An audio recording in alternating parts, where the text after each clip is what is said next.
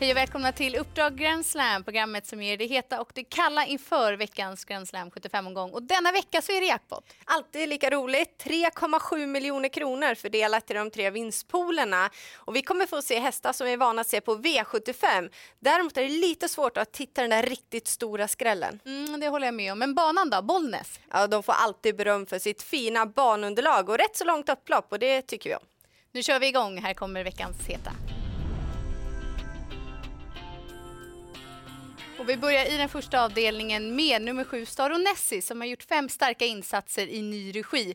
Hon har visat att formen sitter där och var riktigt bra som tvåa bakom snackhästen James Gonzales näst senast. Tränar gör ju Joakim Elving och han har ju rivstartat året med flera fina segrar och bland annat en V75-seger.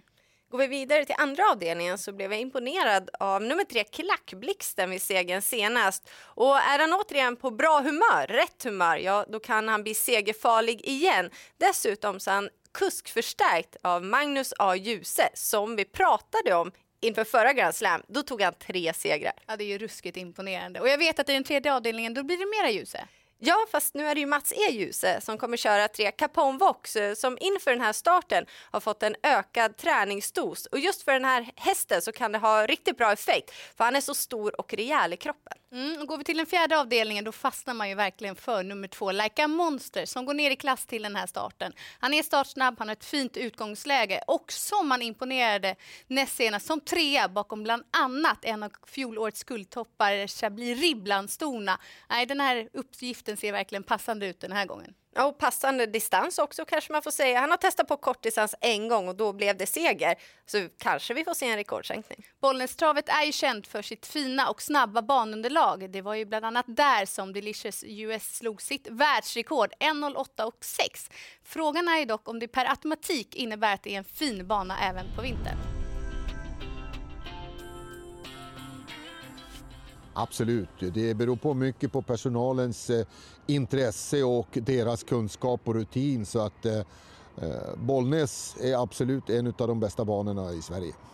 Just eh, Bollnäs tycker jag i alla fall håller, de håller toppklass eh, året runt. Och sen är det ju så att några banor norrut får ju isbanor på vintern. Och, eh, ja, som Boden till exempel, de har ju jättefin sommarbana och även fint på vintern med vinterförare. Men det är lite olika från bana och klimat. Ja, det har jag väl aldrig tänkt så mycket på, men Bollnäs framför allt har jättegott rykte. Att det i princip alltid är fint underlag där. Ja, man måste verkligen berömma banpersonalen. Det är inte lätt att hålla en bana i så fint skick året runt. Och en som åker till Bollnäs i angeläget ärende, det är Susanne H. Osterling som kommer köra tre Lindens Prio 1 i den femte avdelningen. Han såg segerfarlig ut i senaste starten från utvändigt ledaren då galoppen kom av ren pigghet halvvarvet från mål.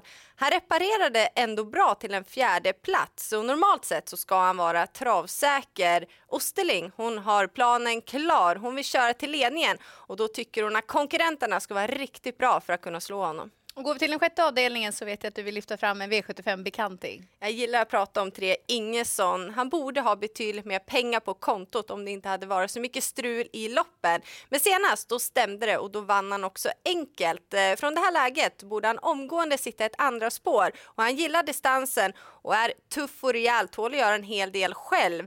Och jag tror att han blir svårstoppad. Mm, och avslutningen är ett roligt och kan bli ett rivet lopp över sprinterdistans. Den som har visat bäst formintryck på slutet det är i alla fall nummer sex, Twinkle Face, som har utvecklat sin startsnabbhet och hon tål ju att göra en hel del själv. Hon är tuff och rejäl, det blir första gången Claes Sjöström sätter sig i sulkin.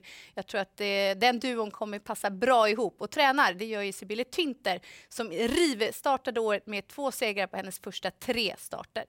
Det var våra heta omgången. Här kommer veckans kalla.